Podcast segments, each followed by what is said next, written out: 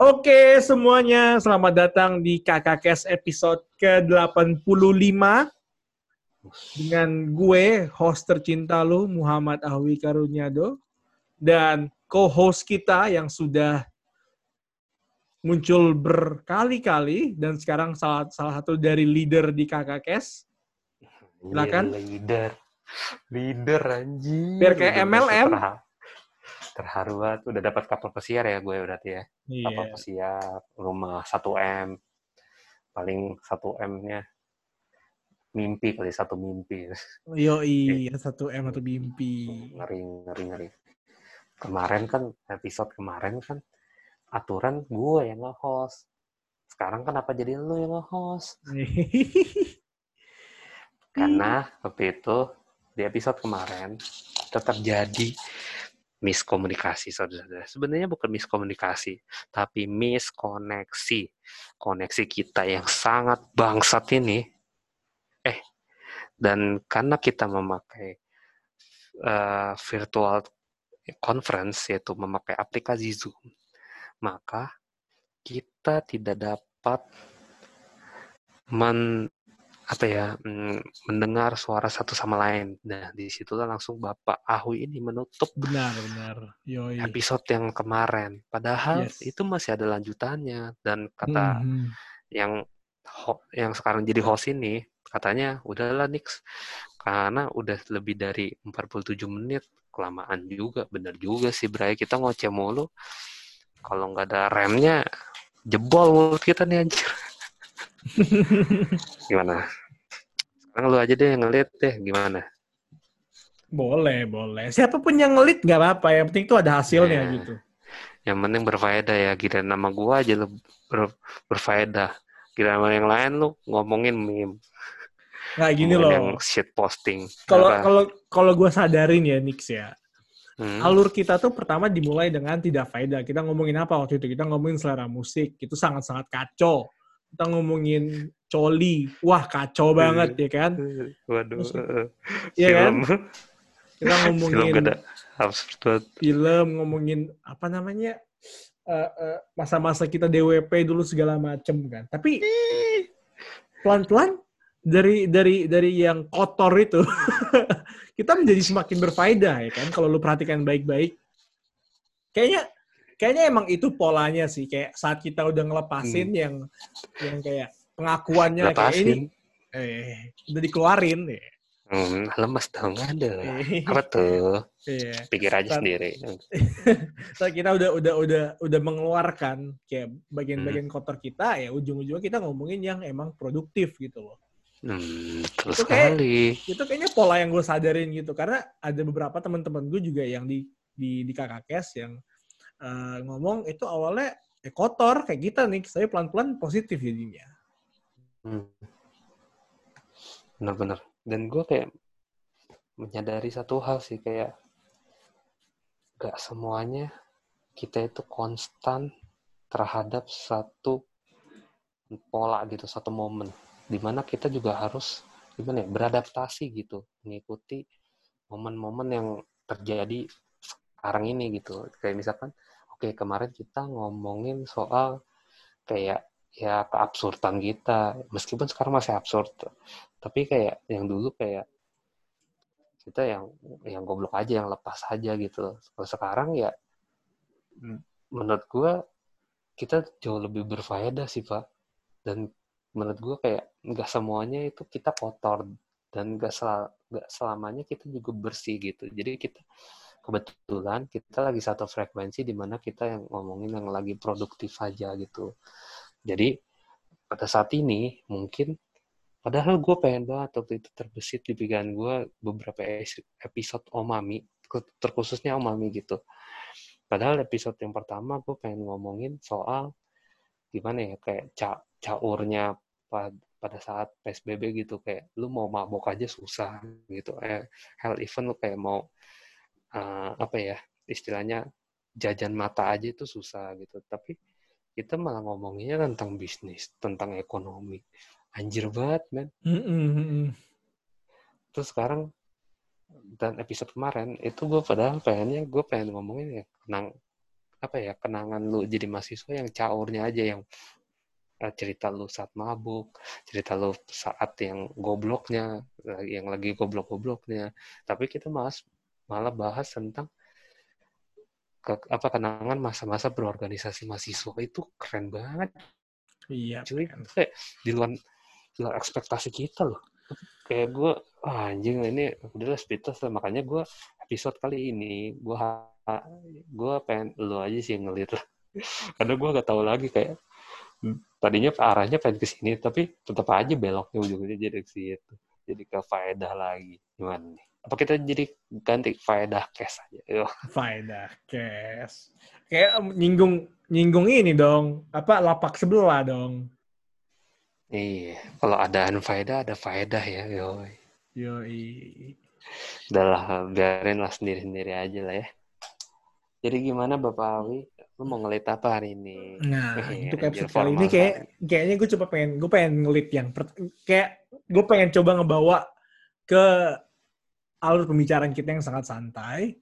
Jadi gue pengen nanya-nanya dulu mengenai em, gimana lu dengan mulai dilonggarkannya PSBB. What? Padahal episode kemarin belum selesai loh, Pak. Eh, oh ya iya, ya. iya juga ya Bray. Gue lupa Bray. Aduh, sorry Bray, sorry Bray.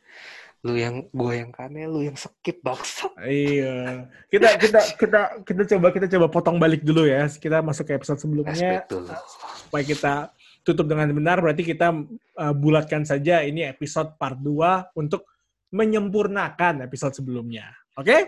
Jadi skip aja, iya iya. Iya, gue setuju aja. Setuju kan? Kurang ajar kamu. Enggak aja, padahal udah direncanain. S- dua menit sebelum ini recording aja kayak udah apa ya kita bikin part 2 aja. Malah tentang melonggarkan PSBB untuk topik untuk next episode aja gimana? Kita bi- Oke, langsung oke, bikin oke. episode. Gimana? Iya, kali iya, ini iya. tapi kita ngomongnya jangan panjang-panjang karena yang part satu udah panjang. Gimana? Hmm. hmm. apa mau gue yang ngelit lagi nih? Kita berunding lagi nih dibawa ke Iya. live langsung Langsung Oke, ya yang kan- yang yang yang kemarin apa kita terakhir ngebahas mengenai ak- aktivis kan yang lu bilang ada yang condong barat, ada yang condong uh, itu. kiri Nah, condong ke kiri Nah, Iya, kayaknya kita simpelin aja deh bahasanya. Jadi kayak yang condong kapitalis, yang condong sosialis gitu loh. iya begitulah Itu ya. kan bahasa yang lebih yang lebih kena dengan jiwa-jiwa dan raga-raga Indonesia gitu kan. Wah, iya, kapitalis, wah sosialis. pemuda-pemuda ini kan Iya. sukanya kan menjudge sesuatu yang sebenarnya ya ya semuanya lu kadang lu menjadi kapitalis kadang lu menjadi sosialis anjir nggak ada nggak ada nggak selamanya sosialis itu kapitalis nggak selamanya kapitalis itu sosialis jadi ya Mm-mm.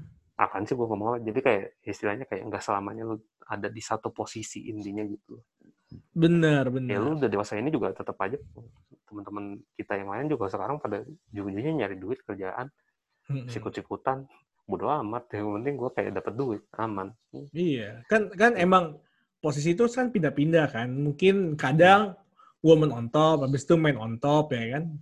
Hmm. Habis itu eh, habis itu helikopter kan pusing pusing ah, ditutup sama 69 kan. Pusing, pusing loh. bukan pusing pak encok pinggang itu 69 aja Iya. Belum pernah coba sih Dan- tapi gue nggak tahu lah Hmm. Bacot. Oke, oke, lanjut, lanjut, lanjut, lanjut. Kita kita bahas kita bahas yang kanan sama yang kiri dulu ya. Nah, Hmm. Kan tadi di, di kampus UPH, kampus kita tuh dulu tuh ada yang nama. Kalau gue ya, gue ngeliatnya itu Gema Kata, Gerakan Mahasiswa Karawaci Tangerang, dan uh, Batakin UPH. Cuma ujung-ujungnya kedua organisasi tersebut yang yang ya klub-klub tersebut tidak tidak lanjut gitu ya. Uh, Habis Hmm. berapa kegiatan, habis itu selesai gitu. Uh, jadi grup lain doang, nggak ada kegiatan sama sekali, nggak ada nongkrong, nggak ada ya minimal ngerokok bareng pun nggak ada lagi gitu loh. Jadi ya kacau. Habis itu gua udah mulai tidak ada insentif untuk mengikuti aktivis-aktivitas aktivis-aktivis itu gitu loh. Udah udah mager aja. emang udah lu nggak udah nggak ada niatnya sih karena Mm-mm. lu udah udah mati suri sehingga ya lu jadi mager kan itu kan sebenarnya. Mm-mm, mm-mm. dan juga kayak udah hilang semangatnya gitu Pa- pada saat ya lu ngebangun itu gitu.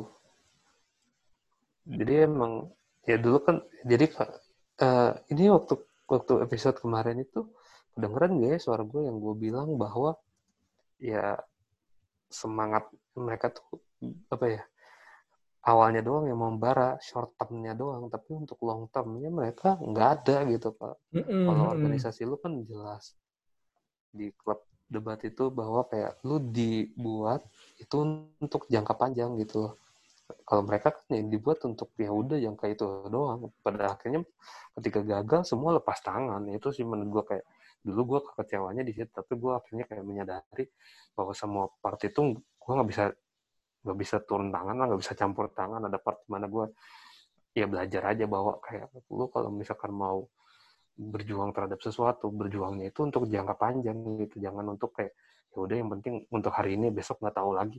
Ya nggak gitu juga cu ya lu harus Mhm. mikirin besoknya Duh, jadi quote bagus nih anjing nggak apa-apa dong. Namanya juga ini apa pembicaraan yang ya ya udah yang ngalir kan, menyalurkan Mm-mm. saja gitu loh. oh iya. salurkan saja itu sih dulu gue kayak eh, apa ya pemikiran gue kayak gitu pada akhirnya ya mereka juga udah berkembang lah ya puji Tuhannya kayak mereka udah udah berkembang di jalurnya masing-masing lah istilahnya gitu jadi Mhm. Jadi ya menurut gue mereka belajar lah dan kita semua belajar lah apa yang terjadi di masa lalu. Ya benar-benar apa ya proses yang mengubahkan kita gitu. Dan juga yang membentuk kita sampai sekarang hari ini gitu. Wah, sangat Benar. faedah sekali ya. Dan Iya. dan masalah kiri kanan sekarang udah gak ada kiri kanan bro. Nggak tahu ya untuk kita. Tapi kalau untuk adik kelas dan gue kan udah lepas tangan sama sekali tuh ketika waktu itu ada terjadi masalah lah waktu itu di kampus. Sehingga gue ya udahlah what the fuck happen lah. Jadi kayak gue cabut semuanya. Akhirnya ya mereka pun juga bisa berjalan sendiri-sendiri sekarang. Walaupun mereka kadang-kadang suka hmm, apa ya suka minta bantuan ke senior gitu kan. Terutama senior senior yang udah sukses ya emang harusnya kayak gitu gitu. Dan gue nggak menyalahkan hal itu. Dan pada akhirnya nah ini mestinya catat jadi deskripsi gue nih deskripsinya kakak kes episode gini Hmm, semua akan menjadi kapitalis pada waktunya waduh Bener, FJ bener banget. NFC, MFC, gila. Bener banget, Bos. wah. Bener banget, bener banget. Iya kan, semua akan menjadi kapitalis pada waktunya. Nggak ada cuy yang menjadi yang menjadi komunis, yang menjadi sosok idealis gitu nggak ada. Idealis tuh udah gak peduli sama duit cuy. Kalau nggak ada duit nggak makan, ya intinya simpelnya gitu kan. Nah kembali lagi Mhm. ke organisasi mahasiswa. Eh, dulu kan kan lebih condong pula kan di teman-teman sangkatan lu ini. Ketika lu berbeda hmm, pemikiran sama mereka, kan rata-rata anak psikologi kan kupu-kupu ya yang gue tahu nih mohon maaf Mhm. kebanyakan gitu kuliah pulang kuliah pulang. Dan sementara lu orangnya doyan berorganisasi. Terus pemikiran lu beda nih dari yang lain. Even bro sama-sama berorganisasi. Mereka ada lu kan eh, mereka teman-teman lu yang gue lihat nih lebih condongnya ke, ke arah barat. Sedangkan lu kayak di tengah-tengah ke kanan bisa ke kiri bisa. Nah lu gimana nih waktu itu eh, nyampurinnya? Maksudnya kayak mixnya itu supaya ya supaya pas gimana gitu. Akhirnya dan terutama ke akademi lu ya terutama. Sehingga akademi lu juga jalan organisasi lu jalan pertemanan lu jalan gitu. Yang gue lihat nih lu orang tuh lu orang tuh di tengah mainnya mbak Bray. Hmm, hmm. di persimpangan ngerti gak sih? Jadi kayak dia ke, ke kanan bisa ke mana aja bisa lah enak gitu lah. Ya, kanan iya. oke Gini, kalau kalau masalah ekonomi ya, masalah ekonomi salah kan, aduh, bangsat dong siapa yang ngomongin ekonomi salah gue, salah gue. Ngegas. Maaf, maaf. Iya, ya kalau Ya, masalah akademik, akademik ya. Akademik gue tuh emang dari awal kuliah, dari awal gue nginjakin kaki gue di UPH, emang target gue IPK tuh di atas 3, di atas atau sama dengan 3. Jadi kalau misalnya cuma dapat 3,1 atau 3,00, gue udah gak peduli gitu loh. Kayak udah, aman. Jadi gue nggak pernah nekanin diri gue untuk dapetin IPK 3,8, 3,9, 3,6 kayak enggak, enggak sama sekali gitu loh. 3 3 selesai. Nah, dengan dengan ringannya mental gue terhadap ringannya beban gue terhadap nilai ya gue bisa lebih enak bereksplorasi dan di di organisasi gitu. Hmm. Cuma syukur alhamdulillah ya skor gue di UPH emang selalu tiga gitu. Sempat sekali hmm. turun 2,87 tapi setelah itu gue langsung balikin ke tiga gitu. Jadi emang ip, ip uh, kumulatif gue dari awal kuliah sampai akhir kuliah itu tiga. 3,00. Hmm. Stabil tuh gak sih? Jadi lu gak pernah kayak event lu berorganisasi, tapi akademik lu jeblok gitu, enggak kan? Gak jomplang kan maksudnya? Enggak, enggak jomplang. Tetap walaupun aktif, nah kan kalau gue kan ada masa-masanya tuh, di mana gue mikirnya organisasi doang nih. Kuliah gue nggak pikirin, akhirnya nah, IP gue nggak nyampe nasakom sih. Iya, nasakom itu nasib satu koma ya. Mm-hmm. Nggak nyampe situ sih, cuman gue kayak pas dua pas dua setengah gitu kayak paling tinggi dua setengah lah gitu ada masa-masa di mana ya gue memik hanya memikirkan organisasi aja gitu. Dan itu sebenarnya kayak nggak nggak tepat sih tapi itulah yang membentuk gue gitu dan mem, apa ya memberikan pelajaran buat gue bahwa kayak eh lu hidup harus seimbang men. Kayak nggak bisa lah lu kayak mikirin satu uh, posisi doang gitu. Tapi satunya lagi lu kayak lepasin gitu. Ya semuanya lu harus keep sih. Supaya kayak itu kan penting juga gitu buat apa ya masa depan lu gitu. Even lu nggak tahu nih masa depan lu terjadinya kayak gimana tapi setidaknya lu ada pegangan gitu loh. Luar biasa. Mm biasa di luar. Mm. benar harus seimbang itu yo iya dan gue belajar sih dari lu kayak ya emang hidup lu emang kayak kayak lu gitu. Nggak usah berpihak lah enaknya. Jadi kalau ketika lu lihat ada mencium ada masalah di uh, di jalan mana gitu di kelompok mana ya lu bisa cabut langsung ke kiri tanpa ada embel-embel masalah gitu. Cabut hmm. ke sisi sisi lainnya gitu. Karena ya yang gue lihat kan lu kayak gitu orangnya kayak ya udah uh, go on aja yang lu mau ke mana cabut. Nah misalkan kayak lu tadi nih yang gue lihat lu apa uh, Gema Kata sama uh, Batakin UPH nggak aktif nih, ya lu langsung aja cabut ke yang mana. Ya lu nggak nggak mempermasalahkan hal itu karena ya lu ada di tengah-tengah maksudnya lu cuma jadi pengunjung doang lah istilahnya gitu loh. Ya, lu nggak kayak merasa yang punya itu itu.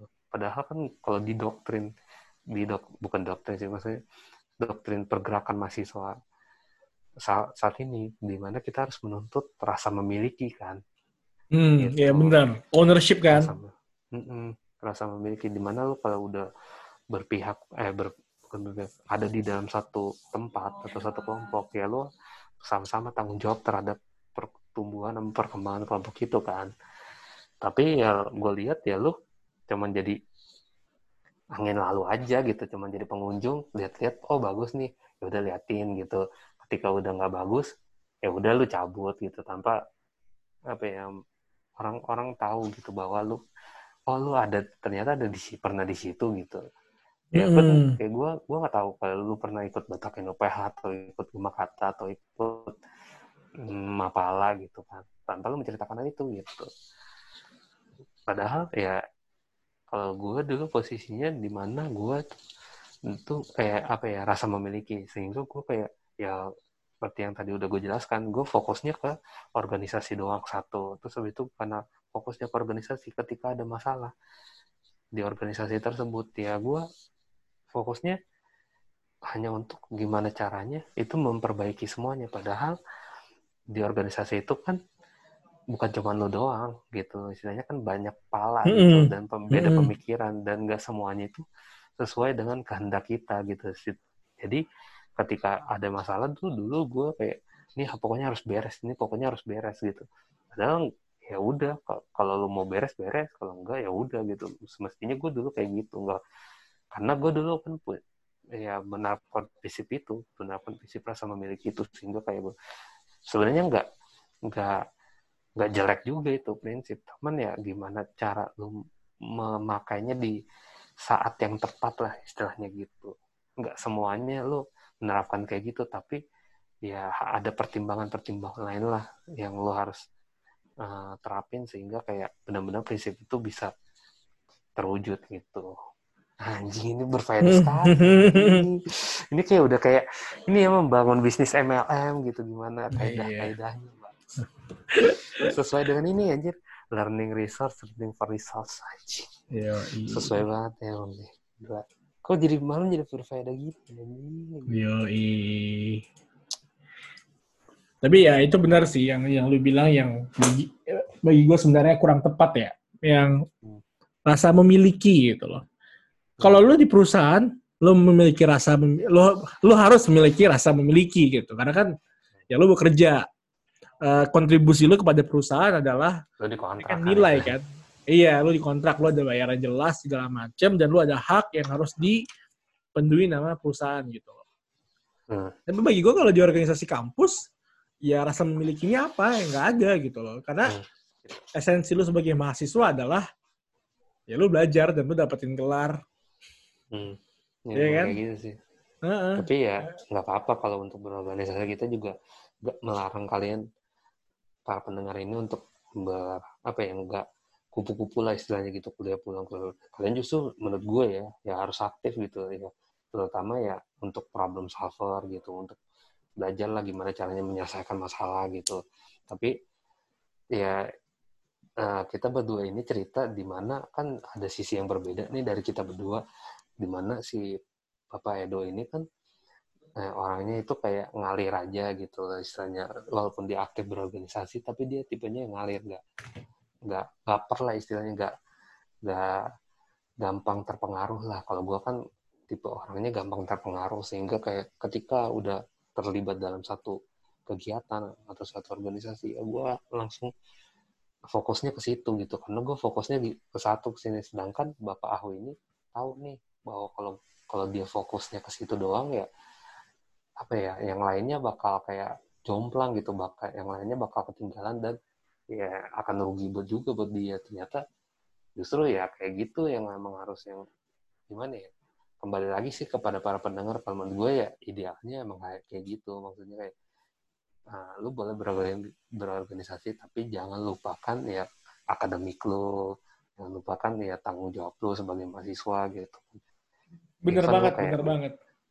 Kan misalkan lu ber apa ya punya keluarga juga yang istilahnya butuh butuh maka uh, apa ya istilahnya butuh kehidupan juga gitu kan. Jadi kayak ya nggak apa-apa lu uh, ngelakuin tiga hal. Misalkan kayak lu uh, belajar sebagai mahasiswa biasa, lu berorganisasi, tapi lu juga bisa juga kayak nyari nyari link untuk bekerjaan di organisasi atau di kegiatan akademik lu. Jadi kayak ya dimanfaatkan ya. Menurut gua kayak ketika masa-masa menjadi mahasiswa itu adalah masa-masa yang sangat oportunis buat lu. Jadi lu mau jadi apa aja, lu mau hmm, lu mau kayak gimana itu apa ya terbuka lebar gitu loh dan lu apa ya uh, jalan itu lu bisa masukin satu-satu gitu loh itu sih enaknya. Makanya ketika lu udah lulus ya lu bingung. Eh, misalkan kalau misalkan belum ada ada kerjaan gitu yang tetap ya lu pasti kan bingung ah mestinya kayak ada penyesalan lah di mana part ya yang ini untuk yang belum lulus ya. Kalau yang udah lulus kayak kita kan kita bisa share nih. Dulu kayak gue waktu gue lulus ya gue bingung kayak anjir nih belum ada kerjaan nih gitu kan. Padahal ya kalau gue yang sebenarnya dari zaman mahasiswa itu ya banyak pekerjaan-pekerjaan. Tapi karena gue terlalu idealis jadi gue kayak menolak pekerjaan. Padahal temen waktu itu udah nawarin gitu-gitu. Jadi karena gue fokusnya ke organisasi mahasiswa ya udah gue lepasin yang lain gitu. Semestinya hmm. enggak enggak kayak gitu. Gitu sih. Gila. Anjir jadi berfaedah bro. Iya bro. Gitu. kayak ini kalau lu adik-adik pada denger nih ya begitu. Kayak hmm. Kayak Oh, jangan pastilah, uh, uh, pastilah saat kita udah lulus kuliah gitu kan, kita ngeliat ke belakang Hmm. ya emang emang emang ada rasanya gitu loh kayak oh ternyata Hmm. begini toh. Dan bagi gue ya, jujur ya bagi gue uh, kan ada umumnya orang bilang kayak masa-masa paling indah adalah masa-masa di SMA, di, di sekolah Hmm. gitu kan. Sebenarnya kalau Iya. gue bilang lebih, lebih enak di kuliah sih bos. Gua- Sama, bre. gue gue pribadi ya bre karena kan di kuliah kita bebas tuh kayak suka-suka mau ngapain gitu kan jauh dari eh, pandangan orang tua atau orang tua udah mulai memberikan kita kebebasan gitu pulang malam pulang pagi gitu. Eh, liburan dengan seorang dengan lawan jenis gitu kan. Itu itu Hmm. itu sangat berbeda gitu loh. Kebebasannya puncak men. Hmm. Karena di mana eh, eh, masih masa-masa menjadi mahasiswa itu masa-masa transisi sih menurut gue kayak Eh, ketika lu berawal dari anak SMA nih yang pemikirannya masih seragam sekolah gitu terus mengalami perubahan lu pakai pakaiannya bebas terus belajarnya nggak ditentuin waktu ya ditentuin waktu cuman pada saat tertentu doang kayak misalkan jam 9 sampai jam 12 kelas habis itu cabut kelas kosong ntar ada lagi jam 3 sampai jam 4 gitu jadi kayak dulu kan kayak tank dari jam 7 sampai jam 3 jam 7 sampai jam 4 gitu. Kalau sekarang ya kayak pas jadi mahasiswa ya lu bebas kan. Maksudnya kayak ada jam kosong ya lu bingung mau ngapain pada akhirnya gitu kan. Mm. itu sih kayak ada kebebasan yang di mana lu nggak dapat di SMA akhirnya lu dapat gitu pas kuliah. Dan ya kembali lagi gimana lu mempergunakan kebebasan itu. Contohnya kayak lu misalkan ada jam kosong itu ya lu gunakan untuk misalkan ke perpus gitu atau baca buku satu kedua ya gimana lu aktif dalam berorganisasi. Ya dulu gimana kayak misalkan anjir gue bosan nih. Dulu gue jujur aja kayak organi ikut organisasi karena gue bosen gitu. Misalkan kayak Mm-mm. gue kuliah kuliahnya kebanyakan kosongnya gitu. Seharusnya ya boleh sih berorganisasi cuman setahun aja gitu kalau dulu kan gue dari awal masuk sampai akhir mau lulus organisasi terus sampai ya mestinya lu juga ketika lu akhir-akhir masa kuliah ya lu mestinya ya eh, nyari kerja lah istilahnya nyari magang gitu atau part time Hmm. ataupun ya setidaknya walaupun lu dapat eh, gajinya cuman buat uang rokok atau uang buat kehidupan sebulan doang tapi ya pengalaman itu ya lu mestinya dapat juga gitu sih. Sebenarnya nggak apa-apa untuk ikut organisasi tapi jangan keterusan lah istilahnya gitu. Lu, Iya, lu ikut untuk cari pengalaman aja gitu. Penting sih itu. Organisasi sebenarnya. Cuman ya kembali lagi kalian ya mau mau nyamannya di di situ terus atau journey ke tempat yang lain gitu kayak misalkan magang ataupun juga uh, selesaiin studinya gitu selesaiin kegiatan akademiknya itu sih menurut gue gimana Pak? Setuju, Bos. Gila ya. Kita karena kita ngomong kayak gini karena kita udah melewati hal itu semua dan kita bukannya kalau dulu kan jujur ya Pak, kalau kita ngomong kayak gini pasti kita ditai-taiin sama orang teman-teman kita. Iya enggak? Pasti, pasti, Alah. pasti. Halah lu, halah lu. Ya jujur aja dulu gue kayak ngomong kayak gini, pasti gue ditai-taiin sama orang macam-macam temen gue ya, you know lah, kayak Ansel, kayak Andi, kayak Rexi segala macam kayak mereka halah, halah gitu kan kebanyakan halanya, tapi ngedek gitu. Sedangkan kayak gue juga waktu itu baru lulus, itu belum ada kerjaan tetap ataupun yang lain. Jadi kalau sekarang ya gue bisa ngelakuin ini karena kita udah ngelewatin itu, lu juga udah ngelewatin itu gitu. Even lu Mm-mm. nggak nggak wisuda karena lu kan fokusnya waktu itu kan untuk kayak apa nyari nyari pengalaman kan untuk Iya. gitu. Waduh. Itu pelik juga sih ya. Iya, men. Tapi jujur ya, karena gue nggak wisuda dan nggak pernah taruh foto wisuda, sampai sekarang masih ada orang yang mengira gue kuliah loh. Gila.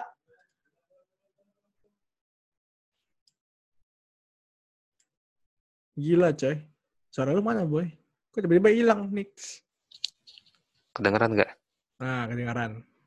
Nah, ya udah kalau kayak gitu mungkin segitu kali ya maksudnya kayak ujian dari kita kalau dan juga nostalgia sedikit ke di kampus gitu saat menjadi mahasiswa gitu.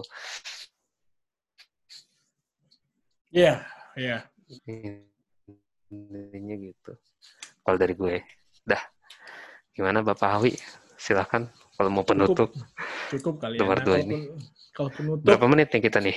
wah nggak tahu deh gue nggak hitung. Tapi kalau mau penutup nih, Nih. gue pengen penutup Hmm. yang sangat simpel aja. Kalau lu masuk kuliah, emang enak bros, enak emang enak bos, kuliah bos, bebas banget kan mau Hmm. ngapain aja terserah. Tapi Hmm. ingat seimbang, kalau belajar belajar, main organisasi organisasi gitu loh, jangan sampai satu memakan Hmm. yang lain. Full full Hmm. akademik doang itu juga nggak bagus karena kan waktu lu mau Iya. daftar kerja atau lu mau bikin sesuatu di luar sana ya lu nggak ada pengalaman organisasi gitu kan emang Yes. Hmm. Ujung-ujungnya selain kompetensi secara hard ya kayak misalnya lu bisa nulis lah lu bisa bikin ini bikin itu yang paling Hmm. penting bukan yang paling penting sih sebenarnya tapi elemen yang sangat penting di dunia kerja adalah bagaimana lu menghadapi orang lain dan bagaimana lu bisa menjalin relasi itu yang sangat-sangat sangat-sangat apa namanya sangat-sangat krusial gitu karena kan Hmm. tiga ingat tiga kunci sukses pertama adalah punya mimpi kedua tekun ketiga punya koneksi orang dalam